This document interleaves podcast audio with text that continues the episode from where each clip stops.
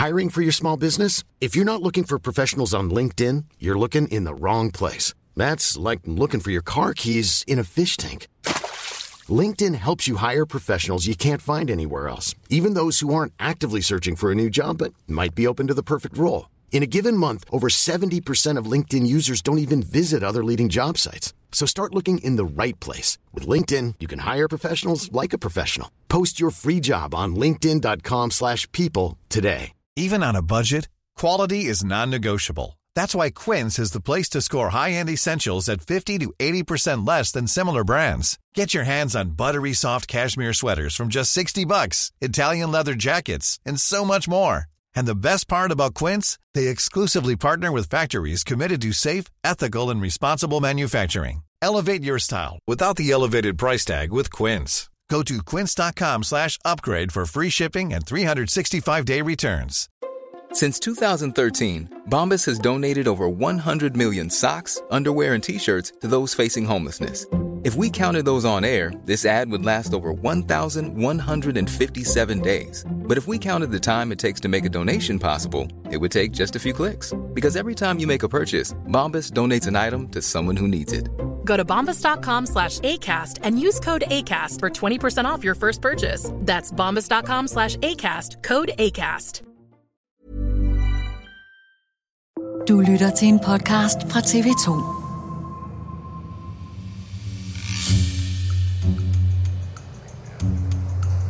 Mitch McConnell holder vælgermøde, og han øh, bliver spurgt, hvad er dine overvejelser i forhold til at genopstille i 2026? What are my thoughts about what? running for re-election in 2026. That's uh, Hvorefter Mitch McConnell fryser og ikke svarer i i hvert fald 20 sekunder. Did you hear the question, Senator? Running for re-election in 2026? En øh, medarbejder fra McConnell kommer hen til ham og spørger ham, øh, senator, har, har du hørt, hvad spørgsmålet er? Har du overvejet, om du vil genopstille i 2026? All right, I'm sorry, you all. We're going to need a minute. Senator. Benny.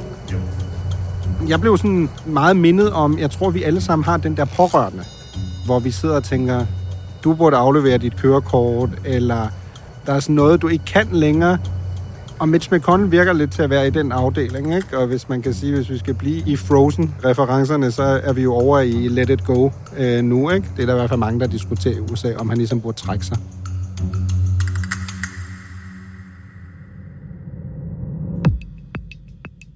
De seneste dage er der kommet voldsom gang i debatten om, at USA bliver styret af meget gamle mennesker. I think it's kind of disturbing that all our politicians are so old. Omdrejningspunktet er den magtfulde 81-årige senator Mitch McConnell, som den seneste tid er gået i stå for rullende kameraer to gange. I lang tid står han bare og stiger ud i luften, indtil han bliver hjulpet væk. Mitch McConnell that froze. What do you think about it? I think he should retire and go home to Kentucky. Mitch McConnell er bare en af flere toppolitikere i USA, der er over 80 år. Mange undrer sig over, hvordan USA er endt som et demokrati styret af oldingen. Men spørgsmålet er, om det overhovedet er et problem. Du lytter til Dato. Mit navn er Joachim Claus Høj Bindslev.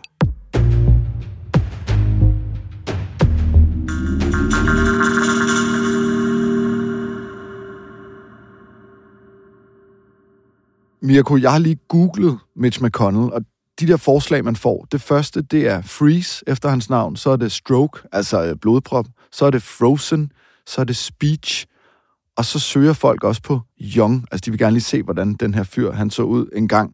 Hvad siger det dig? og ganske, ganske sigende, altså, hvor, hvor snakken er om, øh, om Mitch McConnell nu, ikke? Altså, han er ligesom øh, blevet Mr. Freeze. Øh, ikke fra Batman-universet, men øh, fra amerikansk politik-universet, og det taler selvfølgelig ind i en større debat, som amerikanerne jo har, nemlig i forhold til, om deres politikere er for gamle, når man ser de her udfald, som Mitch McConnell har haft. Velkommen til Mirko Reimer Elster. Du er vores USA-analytiker her på TV2. I forlængelse af den her historie om Mitch McConnell, kan du så ikke beskrive, hvad det er for et billede, vi ser i USA lige nu, når det kommer til politikerne og deres alder? Jamen, vi har jo set en større tendens, hvor USA faktisk skiller sig ret markant ud. Altså, det er sådan, at det selvfølgelig øh, stiger øh, jo den gennemsnitlige levealder i det meste af verden, og det er jo selvfølgelig en meget positiv udvikling, men USA skiller sig ud blandt vestlige samfund ved, at politikerne i gennemsnit bliver ældre og ældre, og det er faktisk det stik modsatte, der er sket i Europa de sidste cirka 40 år. Her bliver regeringslederne øh, sådan yngre og yngre. Øh, Mette Frederiksen herhjemme er jo et, et godt eksempel på det. Mens i USA har vi nu en situation, hvor præsidenten i det hvide hus, Joe Biden, er 80 år gammel.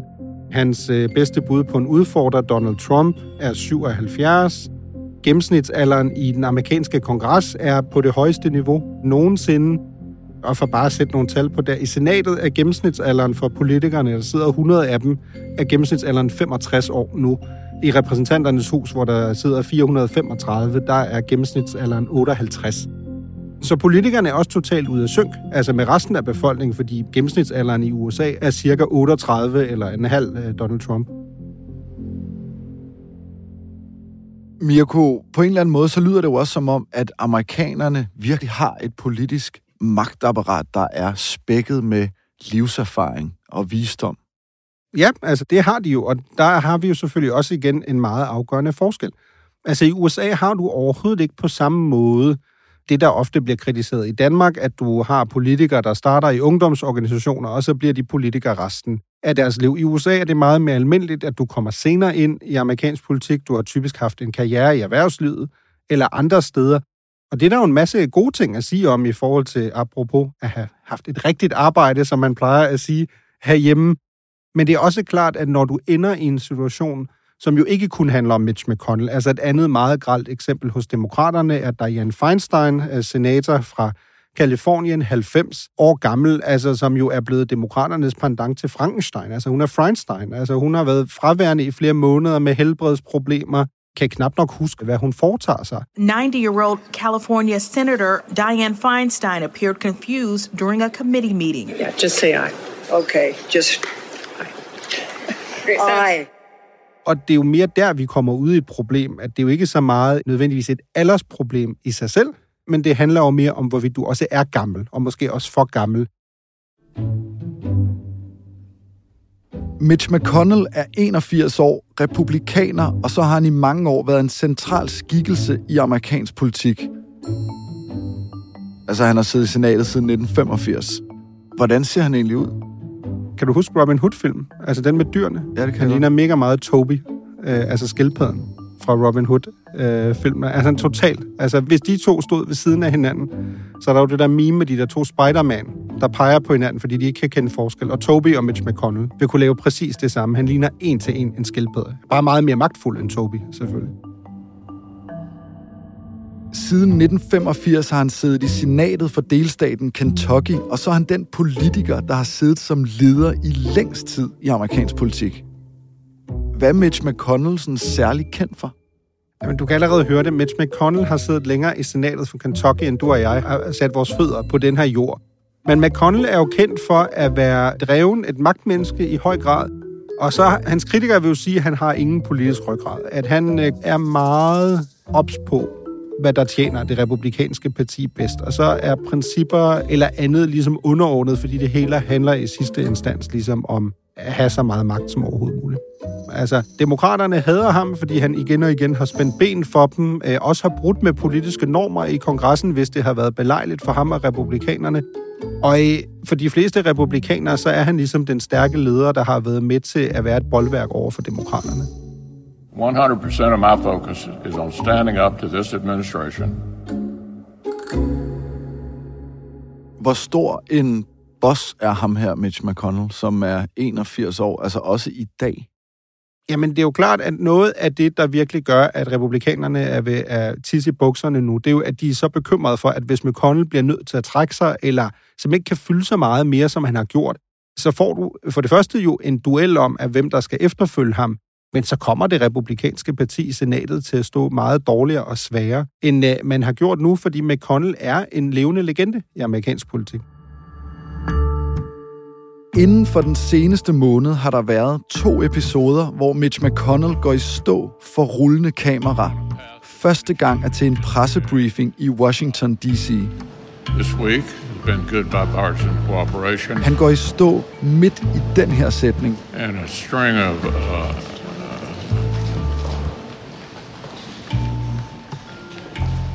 Mitch McConnell stiger tomt ud i luften i 30 sekunder. Anything else you want to say, or should we just go back to your? Do you want to say anything else to the press? En kollega fører ham væk, og så sker det igen en måned senere, nu til et presseevent i Kentucky. Mitch McConnell holder vælgermøde, og han øh, bliver spurgt, hvad er dine overvejelser i forhold til at genopstille i 2026? Senator, you're up for election in three short years. What are your thoughts on? I'm sorry, I had a hard time hearing you. That's okay. What are your thoughts on running for re-election? McConnell virker tydeligvis, som om han ikke helt har forstået, hvad spørgsmålet går ud på. What are my thoughts about what? Running for re-election in 2026. Journalisten gentager spørgsmålet, hvorefter Mitch McConnell fryser og ikke svarer i i hvert fald 20 sekunder. Did you hear the question, Senator? Running for re-election in 2026? En øh, medarbejder fra McConnell kommer hen til ham og spørger ham, øh, senator, har, har du hørt, hvad spørgsmålet er? Har du overvejet, om du vil genopstille i 2026? All right, I'm sorry, you all. We're going to need a minute. Senator. Benny. Men øh, tæppet er gået ned for Mitch McConnell, så han øh, bliver nødt til at blive eskorteret ud fra pressemødet. Man plejer at sige, hvad der ikke kan forklares, kan ikke forsvares. Og det er jo det, der er tilfældet her. At du kan simpelthen ikke på en logisk måde forklare det, jeg vil betegne som en form for blackout. Altså, det er jo en ting, at man måske ikke lige har hørt, hvad der er blevet sagt, eller man lige har haft tankerne et andet sted. Men det er jo en meget præcis beskrivelse, at han fryser. Altså, det virker vidderligt som om, hvis man, hvis man har prøvet at have sin computer kørende, og du har for mange øh, tabs åben, og så på et tidspunkt, så sker der bare ikke noget. Så kommer der den der, vil du lukke nu, eller vil du vente? Og det er jo lidt det, der også virker til at ske her, at Mitch McConnell virker simpelthen til at være mentalt fraværende. Ved vi, om det her er sket flere gange for McConnell, at han simpelthen bare går i stå? Nej, det ved vi ikke, men det gode spørgsmål er jo lige præcis, at nu har vi set det to gange i offentligheden. Hvor mange gange er det så sket bag lukkede dør, hvor det kun er hans nærmeste rådgiver, der har set det? Og det kan vi selv sagt ikke svare på, men det er jo lige præcis det, man også spekulerer i nu, at måske er det her bare toppen af isbjerget for Mr. Freeze. Hvilke reaktioner har de her to episoder affødt? Jamen, den ene er selvfølgelig jo en form for bestyrtelse og, og medlidenhed.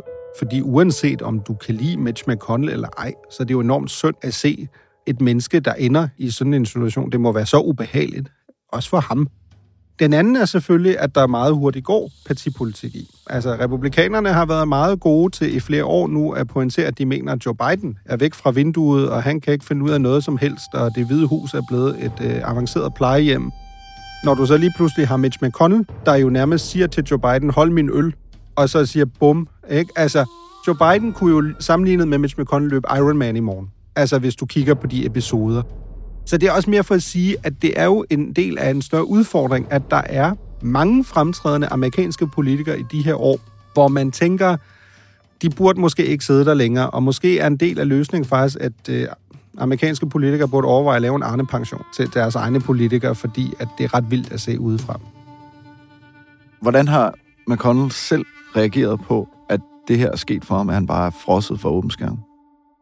Jamen det, der jo har været metoden begge gange, er, at øh, man så har fået en læge til at udtale, at Mitch McConnell faktisk er i fin form. Altså, der er ikke en form for vedvarende skade eller andet.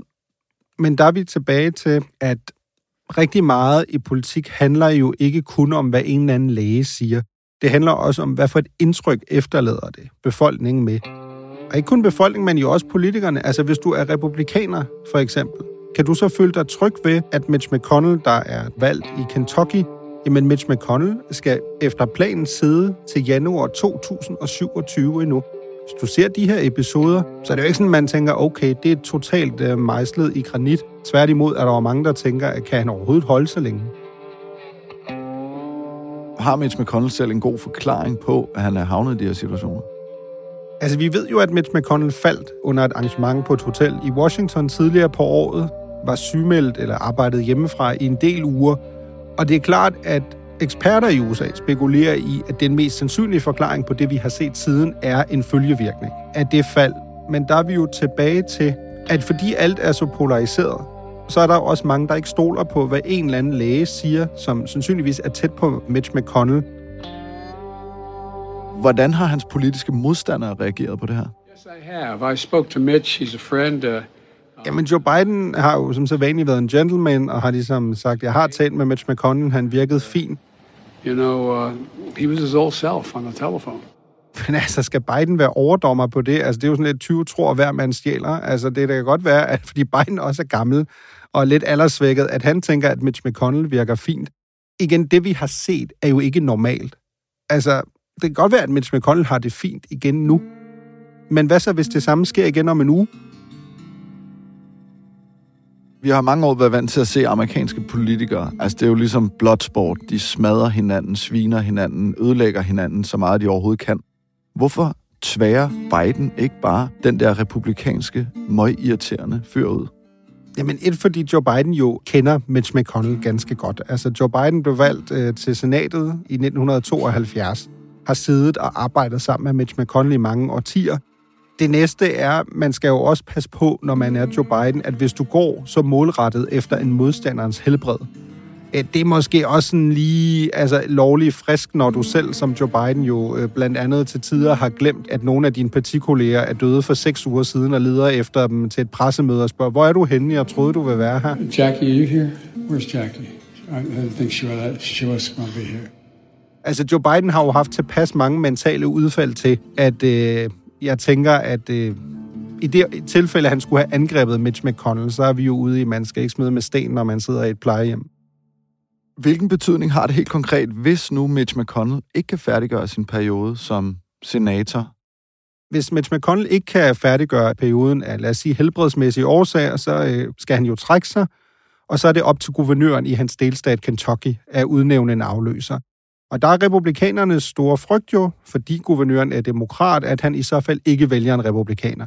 Der har du også en central forklaring på, hvorfor mange af de her politikere, der måske i stedet for at sidde i senatet, burde uh, sidde hjemme med socioassistenter, altså de er der jo blandt andet, fordi flertalsforholdene er så tætte, som de er. De ved, i det øjeblik, jeg ryger ud, jamen, øh, så er det en fordel for min politiske modstander, og derfor er det måske bedre at blive hængende selvom man, man måske for længst har passeret sidste salgsdato i en politisk forstand. Hvad betyder det, hvis Mitch McConnell pludselig er fortid, fordi at han er så alderssvækket? Jamen, Mitch McConnell tilhører jo stadig den del af partiet, der ikke bryder sig om Donald Trump. Han er som sagt villig til at samarbejde med typer som Trump, hvis det er dem, der sidder tungt på det republikanske parti, men han er også en mere modererende del af selve partiet. Så hvis Mitch McConnell ryger ud, er der jo, set med hans fløjes øjne, jo også en risiko for, at partiet bliver endnu mere trumpistisk, end det er i forvejen. Hvad betyder det for os, Mirko, herhjemme i Danmark og Europa, at den der magtfulde republikaner har det så dårligt, som man har det til synligheden? Der er meget langt til Kentucky fra Danmark, men vi skal jo huske, at Mitch McConnell tilhører den fløj i det republikanske parti, der stadig vil støtte Ukraine for næsten enhver pris. Og det er en holdning, der er meget under pres i det republikanske parti, blandt andet fordi Donald Trump og andre siger, at man hellere skal bruge pengene hjemme. Så hvis en øh, så stålsat og trofast Ukraine-støtte, som Mitch McConnell skulle blive nødt til at trække sig, så vil det også have store konsekvenser for Ukraine potentielt, og dermed jo også for os i Danmark. Hver fjerde toppolitiker i USA er over 70 år, altså langt forbi den danske pensionsalder. Hvad siger amerikanerne egentlig selv til, at deres politikere, magthavere er så gamle? Jamen, meningsmåling efter meningsmåling viser jo, at øh, et flertal af amerikanere faktisk ønsker sig en aldersgrænse. De kan bare ikke blive enige om, hvor den skal ligge, om det er 70 eller 60 år, eller hvad det skal være. Og den enighed går på tværs af partiskæld. Så uanset om du er republikaner eller demokrat, det ironiske her er selvfølgelig, at på trods af, at meningsmålingerne viser, at et flertal af amerikanere går ind for de her aldersgrænser, så bliver de jo ved med at stemme på de gamle nisser. Altså, mening i demokrati er jo relativt simpel. Hvis du synes, din politiker er for gammel, jamen så skift dem ud. Det vi ser i USA, Mirko, det er jo noget, som jeg har meget svært ved at forestille mig kunne ske i Danmark. Altså det svarer jo til, at øh, Poul Nyrup Rasmussen, altså som var statsminister for over 20 år siden, eller Bertel Hårder, stillede op og var, du ved, dem vi skulle vælge til statsministeriet. Ikke? Hvad er det, der gør, at amerikanerne udpeger lige sådan nogle typer her, som er omkring 80? En del af det handler selvfølgelig om, at det i høj grad er den ældre del af den amerikanske befolkning, der stemmer, og øh, vælger stemmer typisk på folk, de kan spejle sig i, også aldersmæssigt. Men det andet er, at det i USA er meget, meget udbredt, at det, det man kalder incumbency, altså at være siddende politiker fra en delstat, hvis du først er blevet valgt en gang, er det meget svært at tabe. Fordi der er så stor en fordel i forhold til at rejse penge, i forhold til genkendelighed, i forhold til, at vælgerne godt kan lide det, de har, og så jo også, at fordi amerikansk politik er så polariseret, så er der jo mange valg, der reelt set ikke er egentlig valg, fordi de er så sikre, de pladser. Og dermed kan du ende i situationer, hvor en politiker kan blive valgt, altså at sidde 60 år i streg, for eksempel. Vi taler enormt meget om repræsentation og diversitet i alle mulige sammenhænge. Hvordan ser de unge amerikanske vælgere på, at gennemsnitsalderen er så høj, som den er? Jamen, de føler sig jo ikke repræsenteret. En del af risikoen ved at vælge så gamle politikere er jo, at hvis du ender med, at kongressen og det hvide hus hvert fjerde år bliver en ny sæson af regulatorbanden, så ender du bare i en situation, hvor politikerne risikerer at være totalt ud af søg med det, der sker i det amerikanske samfund. Og for at tage et meget konkret eksempel, der var en høring tidligere på året i kongressen om TikTok. Jamen, adskillige amerikanske politikere, der sad der kaldte det TikTok. Altså ligesom de der mintpastiller, som, som du kan købe der må man jo bare regne med, at hvis du havde været en politiker, der havde været et par årtier yngre, så havde du ikke troet, at det hed TikTok. Mirko, nu har vi jo et præsidentvalg næste år, hvor Biden han stiller op igen, og Donald Trump han øh, går efter den, og nu må vi se, om det bliver ham. Men hvor meget kommer det her spørgsmål om alder til at fylde næste år, når der skal vælges en ny amerikansk præsident, eller Biden skal blive siddende? Jamen, det kommer til at fylde meget fordi at republikanerne målrettet er gået efter Joe Bidens alder, og fordi må man også være ærlig at sige, at Joe Biden har givet dem rig mulighed for at udnytte lige præcis alder. Men der er bare altid et paradoks i den diskussion. Altså, Donald Trump er jo ikke en ung hipster gut. Altså, Donald Trump er fire år yngre end Joe Biden. Han er 77 nu.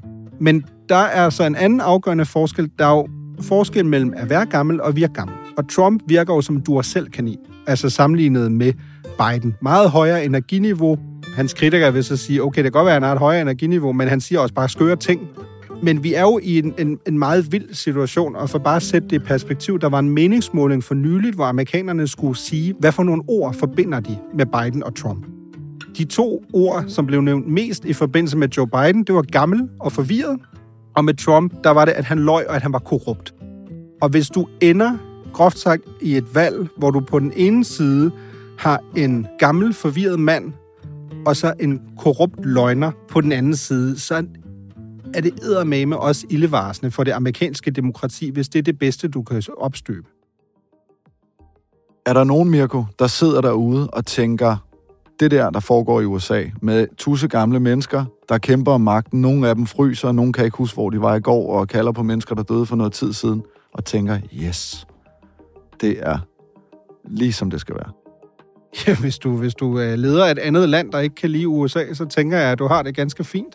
Det taler jo ind i en større historie, som selvfølgelig er, hvor stærk kan USA også altså være på den globale scene, blandt andet i forhold til at hjælpe Ukraine eller, eller andre øh, situationer. Der må man jo stadig sige, at øh, ud fra det, vi kan se, hvad Biden har gjort, er der ikke noget, der tyder på, at han er, totalt har tabt øh, sutten. Men fire år er bare meget, meget lang tid, så fremt han øh, skulle blive genvalgt. Mirko Reimer Elster, tusind tak, for at du kom. Selv tak. Dagens program er tilrettelagt af Rikke Romme, Emil Laversen og Thomas Kahia Humle. Ida Skjærk og Pauli Galskov står for lyddesign. Astrid Louise Jensen er redaktør. Og mit navn er Joachim Claushøj Bindslev.